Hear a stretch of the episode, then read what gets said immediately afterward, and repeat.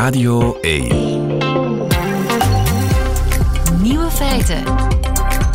Met Lieven van den Houten. Dag en welkom bij de Nieuwe Feiten podcast van 6 mei 2022. In het nieuws vandaag dat de werknemers van Wakefit, een bedrijfje in India, vanaf nu niet meer te bereiken zijn tussen 2 en half 3 's middags lokale tijd. Wakefit, dat is een start-up die er alles aan doet om zijn klanten zo goed mogelijk te laten slapen. Ze weten alles over goede matrassen, voldoende nachtrust, over het belang van slaappatronen. Maar ze hebben al die tijd één cruciaal aspect van goed slapen over het hoofd gezien, zeggen ze nu. Het is volgens hun CEO namelijk bewezen dat een middagdutje essentieel is om goed te kunnen functioneren. En hij doet die uitspraken niet zomaar. NASA-onderzoek toont aan dat een middagdutje van 26 minuten leidt tot een productiviteitsstijging van 33 procent. En een recente Harvard-studie bewijst dat dutjes een ideaal middel zijn tegen burn-outs. Wakefit voegt dus de daad bij het woord. Alle werknemers mogen elke dag tussen 2 en half 3 een dutje doen. Verplicht is het niet, maar de agenda's worden geblokkeerd, de telefoons gaan uit en e-mails worden tegengehouden. Misschien een agendapuntje voor op de volgende raad van bestuur van de VRT, wie weet. De andere nieuwe feiten vandaag. Ferdinand Marcos Jr. is op weg om president van de Filipijnen te worden. De nieuwe roman van Céline is verschenen en professor Rasson heeft hem al gelezen. Uw diploma zit grotendeels in uw genen. En Vlaanderen is veel te klein voor de Mia's, vindt NOS-man in Brussel Sander van Hoorn. De nieuwe feiten van Johan Terrein die hoort u in zijn middagjournaal. Veel plezier. Nieuwe feiten. Radio 1.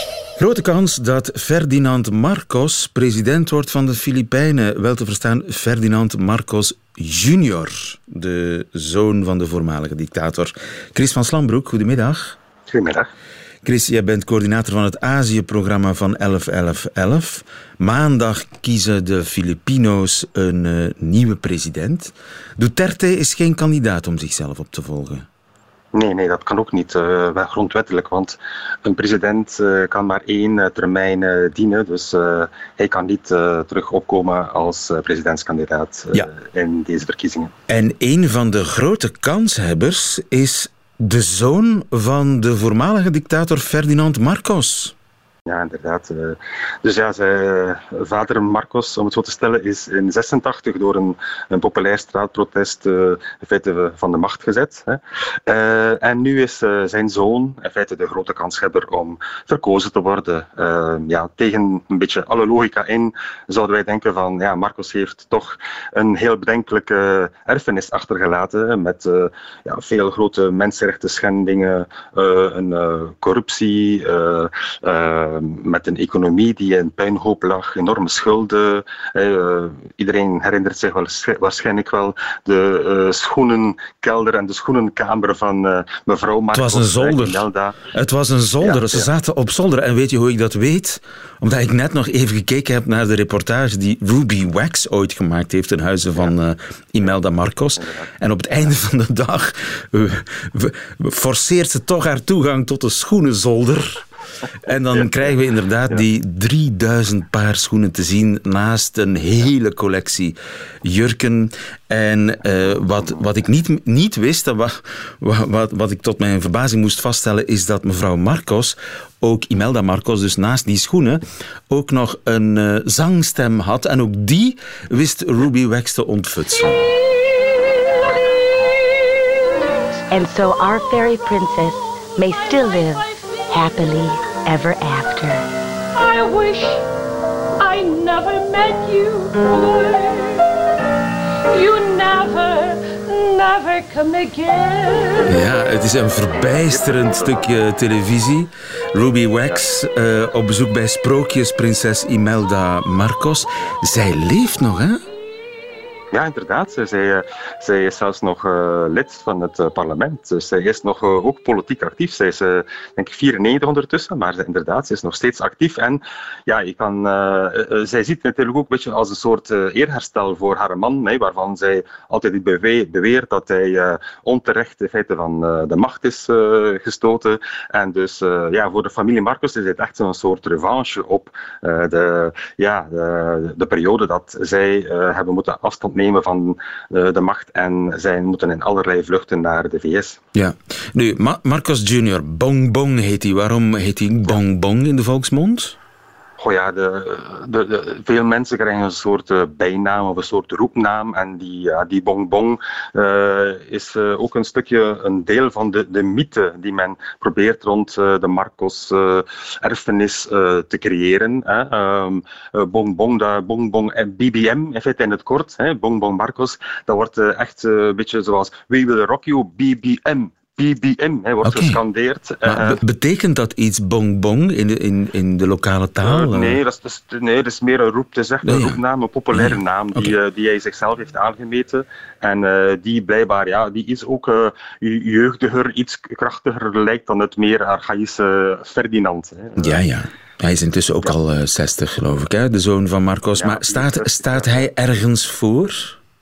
Goh, dat is feite heel moeilijk uit te maken, want hij heeft uh, tijdens de, de, de, campagne heeft hij nauwelijks uh, in debatten getreden. Hij is, heeft enkel met uh, zijn bevriende journalisten gesproken. Dus het is heel moeilijk in feite om te achterhalen wat hij nu juist wil. Hij, heeft, spreekt wel over het, uh, terug de nationale eenheid herstellen, de economie laten opleven. Hè, en en hij, gebruikt daar ook een beetje een, een archaïsch woordgebruik dat heel sterk doet denken aan zijn vader. Hè, en en ja, heeft in feite doorheen de jaren, hè, al sinds, laat zeggen, sinds 2009, toen hij een YouTube-kanaal is gestart, heeft hij in feite geprobeerd om de geschiedenis hè, van die Marcos-periode te herschrijven. En die te laten overkomen alsof dat een periode was van bloei, van groei, van nieuwe infrastructuur, van uh, een, een, een, land met sociale vooruitgang. Dus hij heeft in feite ja, de geschiedenis via sociale media uh, een stuk herschreven kun je stellen, en naar zijn hand gezet. En dat, ja, dat, dat slaat blijkbaar aan. Ja, en hebben de mensen dan geen actieve herinneringen aan die periode onder zijn vader, waarbij ja, corruptie, hoogtij vierde? Ja, absoluut. Ja. Ik, ik, luister nog deze ochtend naar een podcast hè, waarbij uh, activisten van toen getuigden over martelingen en over vrijwillige, uh, massale opsluiting van mensen. Dus er is zeker wel een collectief geheugen, maar we mogen niet vergeten dat uh, ja, meer dan de helft van de kiezers jonger zijn dan 40 en die hebben in feite die, die Marcos-periode niet zo actief meegemaakt. Dus zij vertrouwen nogal, ja, of ze zijn nogal handig met sociale media en ja, daardoor lijkt het alsof inderdaad dat, uh, ja, dat, die, uh, dat, die, dat dat collectief geheugen een, een groot stuk verstoord is. Hè. Ja, Laten we maar een klein beetje kijken naar, naar Rusland, hè, hoe, hoe ook daar hè, in feite, vanuit het regime manipulatief, manipulatief gaat omge, omgegaan met nieuws en met feiten. En in feite, ja, door, een beetje op kleinere schaal, maar toch wel belangrijke schaal, heeft de Marcos-familie dit ook gedaan. Ja. Um, ja. Nu, eh, de, de Marcos-familie stelde zichzelf voor als een soort sprookjeskoppel. Uh, ze waren niet vies van een beetje glamour, en dan druk ik het zeer zacht uit. Zijn de Filipijnen daar gevoelig voor?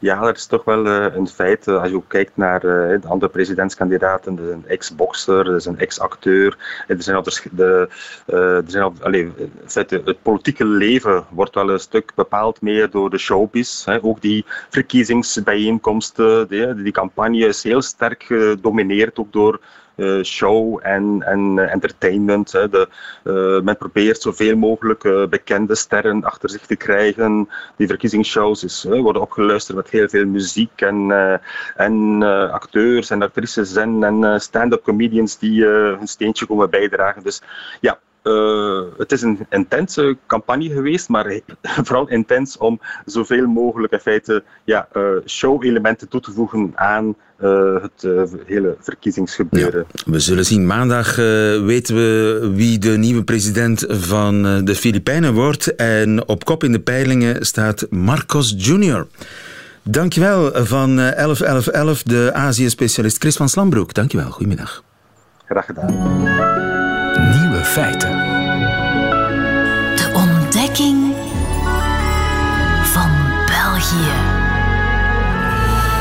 Met wijd opengesperde ogen ontdekt hij elke week weer nieuwe aspecten. Ook al is hij al vijf jaar in ons land, de NOS-man in eh, Brussel. Sander van Hoorn, goedemiddag Sander. Hallo. Sander, wat is jou deze week opgevallen? Dat ik eh, gedurende de week, of doorheen de week moet ik zeggen, ehm, de Mia's integraal heb gekeken. Het lukte me niet om dat in één keer te bekijken, de muziekprijzen. Maar zo in de herhaling en dan nog weer een herhaling. Uiteindelijk heb ik hem compleet. Je bent ingewijd in de geheimen van de Mia's. Ja, en eh, een van de spelletjes die ik met, me speel, eh, met mezelf speelde is... eh, kijk of Lieven in de zaal zit. Zat je in de zaal of niet? Nee, nee, nee. Was je niet uitgenodigd? Nee, ik word nooit uitgenodigd, nee. Maar dan ben je ongeveer de enige BV die niet in de zaal zat. Misschien ben ik geen BV. Misschien ben ik niet B genoeg. Ja. Het zou kunnen. Of niet V genoeg. maar goed, dat is eh, de terugkerende discussie. Nee, Nee. want wat dat betreft was het inderdaad natuurlijk het feest van ongeveer iedereen die ertoe doet in Vlaanderen. Die zit daar in die zaal. En het probleem wat ik daar een beetje mee had is... echt iedereen moet ook wel in die zaal gaan zitten, anders krijg je hem niet vol. Er zijn, is een beetje mijn stelling tegenwoordig na het kijken van die Mia's... er zijn gewoon niet voldoende BV's. Zodanig dat ik me afvraag of jullie die muziekprijzen, die Mia's Niet, wel... niet genoeg Vlamingen. Nee. Er zijn ja, niet genoeg daar- Vlamingen. Daar begint je? het mee.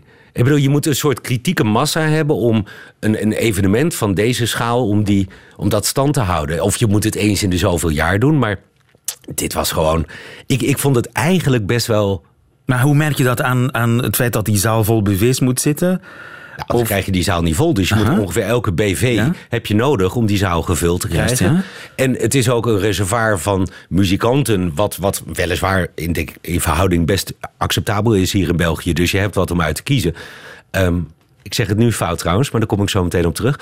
Ehm, maar, maar, maar eh, alleen al in presentatoren. Ik bedoel, moet je dit horen? En dan mag je nu het ingestudeerde nummertje brengen, eh, Tessa. Eh, goedenavond iedereen. Ehm, alle artiesten zijn winnaars. En het is niet omdat je net naast een award rijpt dat je daarom niet goed bezig bent. Nee, dat is waar. Eh, een sterke competitie houdt iedereen scherp. Eh, vraag dat maar aan eh, Wout van Aert en Mathieu van der Poel, aan Lucinda Brandt en Lotte Kopecky, aan Messi en Ronaldo. aan- Aan Van Nieuwkerken en Zaimana. ja, ik weet niet of dat de Karel met die vergelijking zo Ik, content zou zijn. ik, maar, ik ben niet eh, thuis genoeg. Dit was een, een, een Voice. sportster en een, volgens mij een sportpresentator. Juist, en die reikte ja. dan in de rubriek solo vrouw. Ja. Maakte zij de, de prijswinnaar bekend. Maar dit is, natuurlijk is het ingestudeerd. Zo'n hele show. En dat heb je bij de Oscars. Dat heb je bij het Edison Gala in Nederland. Dat heb je bij het Euro... Van A tot Z ingestudeerd en gerepeteerd. Maar deze twee, ja, die hadden het gewoon niet. Die, die maken dan een grap die ingestudeerd is, die ingestudeerd klinkt. En niemand in de zaal die lacht. Nou, dan heb je het echt wel heel goed gedaan, vind ik. En dan, die, je moet dat die mensen niet, die BV's niet aandoen. Ehm, en dat de prinses die nu toe- toevallig BV is, omdat ze ehm, eh, ook in Dancing with the Stars geweest is, die wordt dan nu ook maar weer opgevoed. Ik bedoel, er is gewoon een tekort aan BV. En je moet het op deze manier niet willen doen.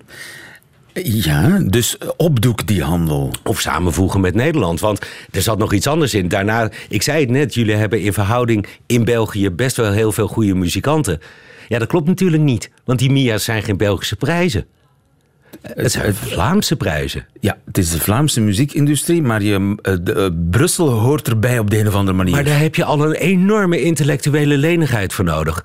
Brussel hoort er godzijdank bij. Dus daardoor heb je een goede zangeres die godzijdank een paar woorden in het Nederlands kan preken. Het is een soort doping eigenlijk voor die Vlaamse muziekindustrie. De, Brussels, de Brusselaars mogen meedoen. Brusselaars mogen meedoen. En dan wint Angèle, wint drie eh, Mia's. Maar met een lied over Brussel. Jullie haten die plaats.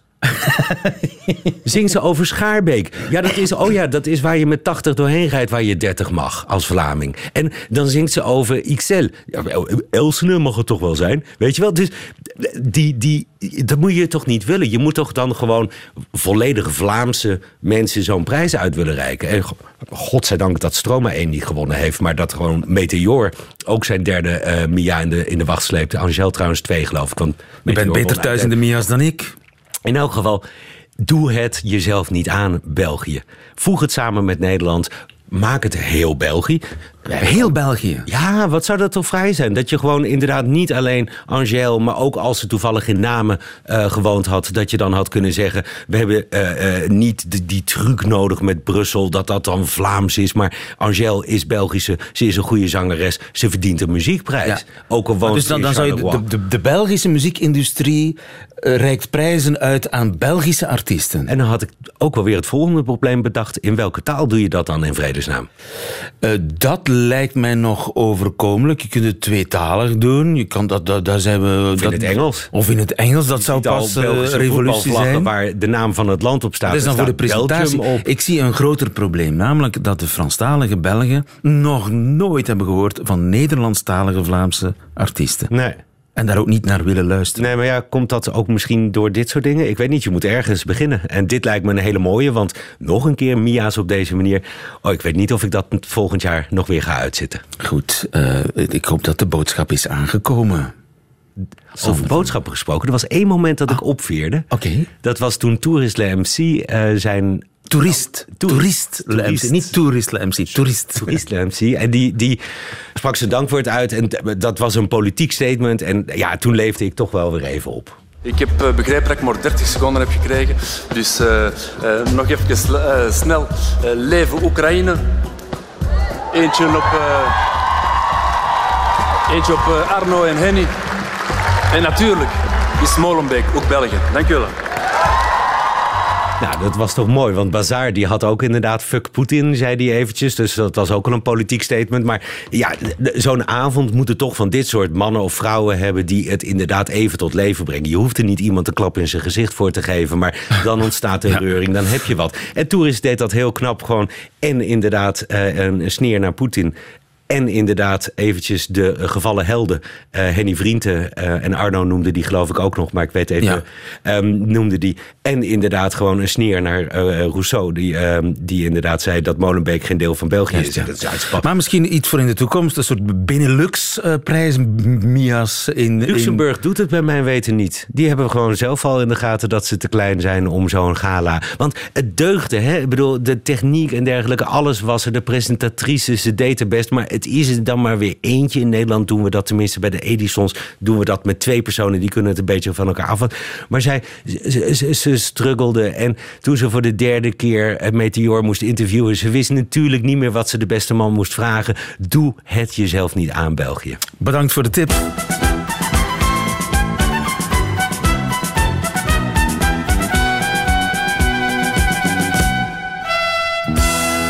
Examen Vlaams. En wij slaan meteen terug. Ja, ja, ja, ja. Want wij onderwerpen die wijsneus van een Hollander meteen dat aan een examen lachje Vlaams. van de technicus gezien? Ja, die vindt het ook geweldig. de enige, maar het wordt erger. Wat is valavond? Oh, dat is vast iets heel katholieks en dat zijn niet. Dus, eh, ik heb geen idee. Valavond. Valavond. Is dat de avond voor je huwelijk? Nee? Nee, Nee, goed geprobeerd. idee. Valavond is gewoon ja, de, de late middag, de vroege avond, de schemering, de valavond. Dus dat is eigenlijk voor de namiddag. Of na de namiddag. Na de namiddag. Na de namiddag. En voor de avond. Ja. De overgang, valavond. Ja. Als, als de zon naar de, de horizon neigt, dan spreken we van valavond. Wat is een pezenwever? Ehm ja. Het heeft niks met valavond te maken, neem ik aan. Nee. Nee. Een pezenwever, ja. En, en, en, goh, eh, wat, weef je met... Gijsse pezenwever stopt met zeveren, bijvoorbeeld. Ik heb geen idee. Maar je weet ook niet wat zeveren is. Zeveren is zeuren, een beetje dreinen. Onzin vertellen. dat is Onzin zeveren. vertellen, Oké, ja. Een pezenwever is een, eh, iemand die hup, op kleinigheden vette muggen zeeft er. Maar is in Dit sommige... moest jij opzoeken, zag ik. omdat, inderdaad, omdat waar ik vandaan kom, is een pezenwever gewoon een gierigaard, een vrek. Ah, oké. Maar het zijn meerdere betekenissen. Oké, een pezenwever. Een pezenwever. Ja. Is een- bas. Een bars. Een bas. Met een B-A-R-S-J? Nee, B-A-C-H-E. Ah, dat komt dan weer uit het Frans. In het Frans weet ik niet wat een bars is. Dus Bars. in het Vlaams ook niet. Het is hetzelfde.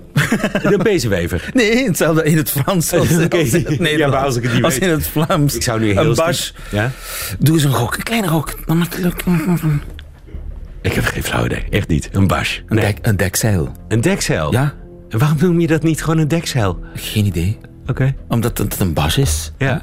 Het is een bas. Dekzeil, ja, ik heb weinig mensen het woord dekzeil horen gebruiken.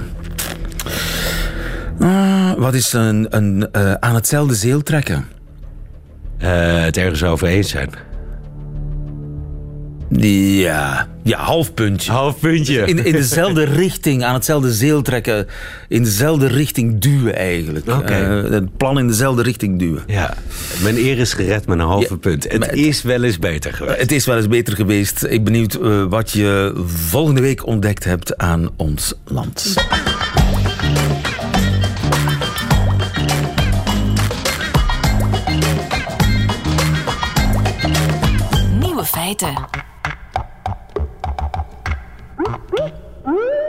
Gisteren verscheen de nieuwe roman Guerre van eh, Louis-Ferdinand Céline, de literaire gebeurtenis van het decennium in Frankrijk. Want ja, Céline is zowat de meest controversiële schrijver ooit in eh, Frankrijk. Het gaat om een manuscript, Guerre, uit 1934, dat gevonden is eh, in het appartement van Céline in Parijs aan het einde van de oorlog toen de schrijver als notoire collaborateur was gevlucht. Dat verhaal kreeg u gisteren uit de mond van eh, professor Franse literatuur Luc Rasson. Goedemiddag, professor. Goedemiddag, eh, lieve. Gisteren was u eh, van plan om een exemplaar te pakken te krijgen van Guerre. Eh, is dat gelukt? Wel, ik heb goed nieuws. Dat is mij inderdaad gelukt. Ehm, ik ben bij mijn favoriete Luikse boekhandelaar binnengelopen en heb daar een exemplaar kunnen op de kop tikken. Ehm, en bovendien, ja, je had mij gevraagd van de roman tegen vandaag te lezen. En ik Ja, heb ik was huiswerk- heel stout. Ik heb mijn huiswerk gemaakt. Ja, is dat zo, professor? Ja, U heeft het helemaal gelezen. Ja, kijk, maar het is inderdaad geen, eh, ja, geen turf. Hè? Een 150-tal eh, bladzijden. 150 bladzijden. Het is een manuscript. Is het ook een roman? Want ja, een schrijver heeft vaak manuscripten in de la liggen, aanzetten tot probeersels, maar geen afgewerkte roman. Is het een afgewerkt eh, novelle of een roman? Kijk, het is beiden. Hè? Het is een afgewerkte roman. Je, zou, je kunt hem hè, als een volwaardige roman lezen. Maar tegelijkertijd eh, voel je toch voortdurend dat het een ruwe diamant is. Hè? Een, een ongeslepen diamant. Ehm, bijvoorbeeld, we beschikken niet over de beginbladzijden. Hè? Ehm, die zijn nog ergens ja, te velden. Ehm, en dus begint de roman zo'n beetje in, in medias res, zoals men zegt, hè, in het midden van de gebeurtenis. En dat zijn we zeker, want het kan een truc geweest zijn, hè? Om, om in medias ja, maar eh, nee, te beginnen. zeker eh, dat de, het begin ontbreekt. Absoluut. En bovendien, bovendien merk je, ja, bijvoorbeeld, de chronologie is niet volledig coherent. Eh, sommige personages veran- veranderen van naam, zie je. Ik vernam ook dat er in het manuscript geen alinea's waren. Die zijn dus toegevoegd door de uitgever, enzovoort. Dus het is een ruwe diamant, maar toch zeer leesbaar. En wat mij betreft toch wel een, een grand cru, eh, Céline. Een Grand Cru Céline. Hoezo? Wel, eh, ja, kijk, een eh, sterke Céline. Hè. Wie, wie vertrouwd is met zijn eh, romans, hè, en in het bijzonder met Reis naar het einde van de nacht, eh, zal zich meteen thuis voelen, denk ik, in die, die pessimistische, die donkere wereld zonder illusie, hè, die, die typisch is voor, voor, voor de man. Eh, en wie, wie de roman eh, wie, wie Guerre eh, als eerste roman van Céline zou lezen, ja, die, die zal, hoe moet ik het zeggen, Eh, die zal een oorveeg toegediend krijgen. Hè? Want dat is een beetje de indruk die lezers van Céline hebben wanneer ze voor het eerst met zijn oeuvre in contact komen. Hè? De teksten van Céline zijn geen geruststellende literatuur. Hè? Eh, Céline confronteert de lezer graag met ja, het laagste, het, het minst aantrekkelijke in, in de menselijke conditie. hè. Het is autobiografisch, sterk autobiografisch, want Céline is zelf gewond geraakt gedurende de Eerste Wereldoorlog in Poelkapelle in West-Vlaanderen. Eh, de hoofdfiguur van Guerre ook. Precies. Eh, ja, ik kan daar meteen aan toevoegen dat eigenlijk de meeste romans van Céline een sterke autobiografische dimensie hebben. Uh, dat was al zo voor de reis naar het einde van de nacht. En, sorry, dat is hier ook zo, inderdaad. Hè. Uh, uh, hoewel je wel merkt, ja, in de loop van de roman naar het einde toe God, denk ik, neemt de fictie toch wel de bovenhand. Hè? Ja. Um, um, ja, je verlaat toch wel het autobiografische, denk ik. Het is altijd, bij Céline uh, is er altijd een vermenging van beide aspecten. Uh, in het Frans gebruikt men soms de term autofiction. Autofictie. Een autofictie, ja. een zelffictie. Want als gewonde soldaat uh, gaat hij naar Londen en wat gebeurt daar dan? Ja, dat weet ik nog niet, want dat, nu gaat u naar het einde van de ah. roman.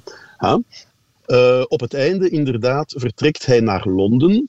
En uh, het volgende manuscript, dat zal gepubliceerd worden, uh, hopelijk volgend jaar, heeft als titel Londres. Okay. En daar zullen we dus de Engelse ervaringen van Ferdinand kunnen lezen, die ook daar weer autobiografisch zullen zijn, want Céline zelf uh, heeft in, als ik me niet vergis, 1516, dus net na zijn verwonding in Poelkapelle en na zijn herstel, is inderdaad een jaar naar Londen getrokken om daar in het Franse consulaat uh, te werken. Ja.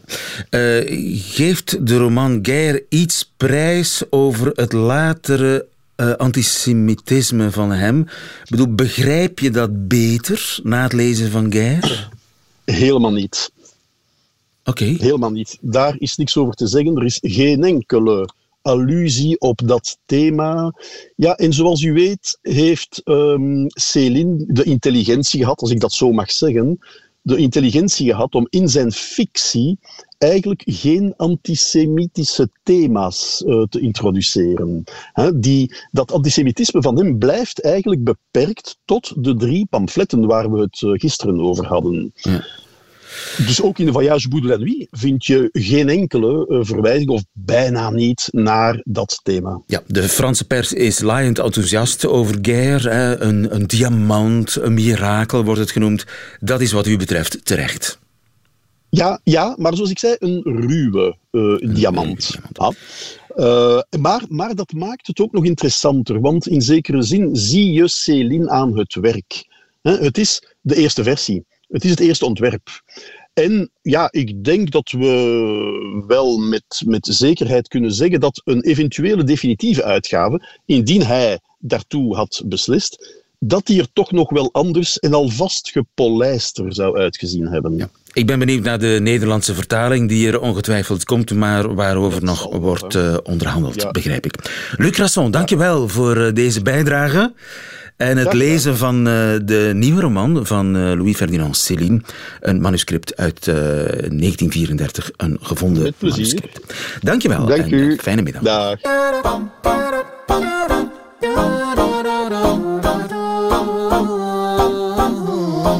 Nieuwe feiten. Uw diploma zit in uw genen. De invloed van de opvoeding die u kreeg op uw opleidingsniveau is amper 10%, blijkt uit een nieuwe studie bij tweelingen. Pedro de Bruikere, goedemiddag. Een goedemiddag. Pedagoog aan de Artevelde Hogeschool en de Universiteit van Utrecht. 10%, ik had eerder zoiets verwacht als 50%. Wel, in oude studies, oudere studies, kwam men uit rond de 43 procent. Dus voilà. wat je vermoeden. Maar nu hebben onderzoekers ontdekt van, we hebben misschien een redeneerfout gemaakt. Wacht eens en even. die redeneer... Want ja, maar. één eigen tweelingen, daar hebben we het over. En die zijn heel populair bij erfelijkheidsvorsers. Want ja, Klopt. kinderen met quasi identieke genen, die groeien soms op in totaal verschillende omgevingen. En dan kun je heel precies vaststellen, kijk, dat is de invloed van die genen. Die kinderen lijken heel erg op elkaar. En door die met elkaar te vergelijken kun je dan afleiden van zoveel aandeel van erfelijkheid is er bijvoorbeeld in het aantal jaren dat je studeert. Ja, maar dus de, de mensen die die cijfers bestudeerd hebben, hebben altijd een redeneerfout gemaakt. Dat is wat die twee onderzoekers zeggen, van, want die gaan ervan uit dat er geen overlap is tussen mama en papa. Wacht eens even, wat betekent dat? Wel, het kan dus ook zijn dat uh, wij trouwen met iemand, wij worden een koppel met iemand, maar dat wij ook een overlap hebben, dat wij dus ook op elkaar lijken, meer dan we dachten. Kijk, in feite in dergelijk onderzoek maakt men onderscheid tussen enerzijds wat komt er van de genen, wat komt er van een gedeelde omgeving en wat komt er van uh, jouw unieke ervaring die anders zijn dan je tweelingbroer. En die gedeelde omgeving, dat was die 43 procent. Maar nu hebben de onderzoekers herberekend van hoeveel overlap is er tussen mama en papa, in welke mate komt bij hen in feite die prestaties en die erfelijke prestaties overeen.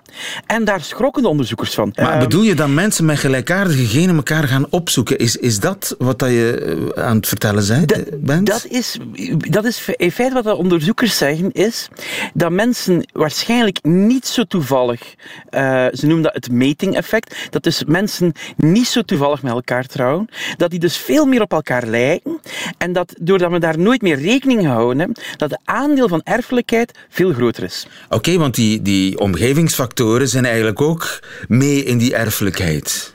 Juist, dat is het punt. Oké, want we denken het is de omgeving, maar eigenlijk zijn het de genen die aan het werk zijn de onderzoekers zeggen van, wij hebben de hele tijd, als we dit bekijken, als we kijken naar klassiek onderzoek, dan hebben we waarschijnlijk het aandeel van erfelijkheid altijd onderschat, omdat we dachten van, mama en papa lijken niet op elkaar. Maar waarschijnlijk lijken die meer op elkaar dan we dachten, Genetisch. omdat we zien dat die ouders op vlak van dan puur, het gaat enkel maar over uh, het aantal jaar studeren, dat die in feite waarschijnlijk erfelijk meer over, op elkaar lijken. En dat we dachten van dat is een gedeelde omgeving, maar in feite is het die gedeelde omgeving ook erfelijk. Ja, ja. Nu, vandaar dat je uitkomt op ongeveer 10% nurture, zeg maar, qua opleidingsniveau. Komt dat overeen met andere onderzoeken, niet bij uh, genetiek, bij, bij tweelingen en zo en over genen, dat dat uh, maar 10% is? Wel, als we gaan kijken naar bijvoorbeeld uh, uh, PISA. PISA wordt veel gebruikt om ongelijkheid in onderwijs en zo in elkaar, in kaart te brengen. En wat zien we, die leerprestaties, uh, als we kijken naar het aandeel van de thuissituatie, over alle landen heen, want dat verschilt van land tot land wel een stuk, dan komen we uit op 10, 11 procent. En als we dan gaan kijken, bij ons is het ietsje hoger, maar dan merk je van, hé, hey, we komen daar in de buurt het is voor mij een, een soort van steen die ze in het water gooien en die wel ribbelingen veroorzaakt van misschien moeten we wel een paar dingen gaan herdenken. En misschien is die invloed van die omgeving, waarvan we dachten dat is puur iets dat we kunnen op inspelen, misschien speelt daar ook weer erfelijkheid mee op een manier dat we nog niet gedacht hadden. Ja, maar dus die resultaten, die 10%, komt overeen met de andere studies. Zij het natuurlijk dat het van land tot land verschilt. Bij ons is het bijvoorbeeld 19%. 19% nurture. Ja. Ja, als we kijken naar de prestaties op PISA. En als we gaan kijken hier, ja, dan zeggen ze van, kijk, we moeten eventjes goed gaan kijken. Nu, ze hebben wel goede onderzoekers die gaan ook gaan denken van, misschien hebben we een fout gemaakt. Misschien hebben we een neerfout gemaakt. En zij zeggen van, kijk, er is één soort onderzoek waarbij we zeggen van, dat vloekt een beetje met wat dan wij zeggen. Namelijk, er is ook wel overlap tussen uh, ouders en uh, kinderen die geadopteerd worden. Want daar is er geen erfelijke band. Oké. Dus da daar moeten we nog verder naar onderzoeken hoe dat, hoe dat daar werkt. Ja, en dan gaan we waarschijnlijk een soort ja, een, een genuanceerd beeld krijgen. Maar wat deze onderzoekers zeggen van, kijk, het meeste onderzoek op vlak van erfelijkheid en studiejaren, dat hebben we waarschijnlijk de erf, daar hebben we de invloed van erfelijkheid onderschat. Onderschat. Pedro de Bruikere, duidelijk. Dankjewel. Goedemiddag. Een fijne dag nog. Radio 1. Nieuwe feiten. En dat waren ze meteen de nieuwe feiten van 6 mei 2022. Alleen nog die van Johan Terrein nu in zijn middagjournaal. Nieuwe feiten. Middagjournaal. Beste luisteraar, en dat meen ik. U bent de beste luisteraar. Al die anderen zijn ook goed, maar niemand kan op tegen u. En uw luistervaardigheid en uw luisterbereidheid ook. Ik kan niks zeggen of u heeft het gehoord. Nu weer. U bent zoveel meer dan een luistercijfer. U bent echt wel de king of luister en bijval. U bent top. Ik geef u dan graag ook deze schouderklop. Mocht ik kunnen, ik zou een knaller van een review over u achterlaten op Google. Maar dat kan nu even niet, omdat ik met dit middagjournaal bezig ben. Maar anders zou elke Googelaar weten hoe geweldig u kan luisteren. U merkt het, een schouderklopje kan deugd doen. Soms hebben we daar wel eens behoefte aan en dan is dat fijn als er spontaan eentje komt. Spontaan zeg ik wel, want je kan zoiets niet afdwingen. Sommige servicebedrijven hebben tegenwoordig wel een hele hoge nood aan schouderklopjes. Zij wachten niet tot ik even tijd heb om een review te schrijven. Nee, zij mailen mij nog voor ik het woord schouderklopje gezegd krijg. We hebben gisteren een pakje bij u geleverd. Wil u even laten weten wat u vond van onze service? Wij vragen maar enkele minuten van uw tijd. Lieve servicebedrijven, als ik op al die mails van u zou ingaan, ik had er een dagtaak aan. Sta me toe dat ik het even zo oplos. Ja, ik ben blij dat het pakje geleverd werd en dat er geen deuk in zat. Wat knap van jullie dat dat gelukt is. Doe zo voort. En ja, die hotelkamer was in orde. Er stond een bed in en dat is altijd fijn als je eens een keertje wil slapen. Jullie hoeven echt niet zo onzeker te zijn allemaal. In het vervolg kan je er misschien zo over denken: als je als bedrijf erin slaagt te doen wat je belooft, dan zal ik tevreden zijn. Is dat geen goede afspraak? Want ik kan echt niet de hele dag reviews zitten schrijven om uw sociale mediamuren vol te kladden met lof. Dus gewoon uw best doen en dan is het oké voor mij. En niet zo onzeker, want als jullie mails blijven sturen die naar een schouderklopje hengelen, dan stopt die tevredenheid misschien ook wel eens. Iets om over na te denken, toch? En voor de rest, doe zo verder. Flink gewerkt.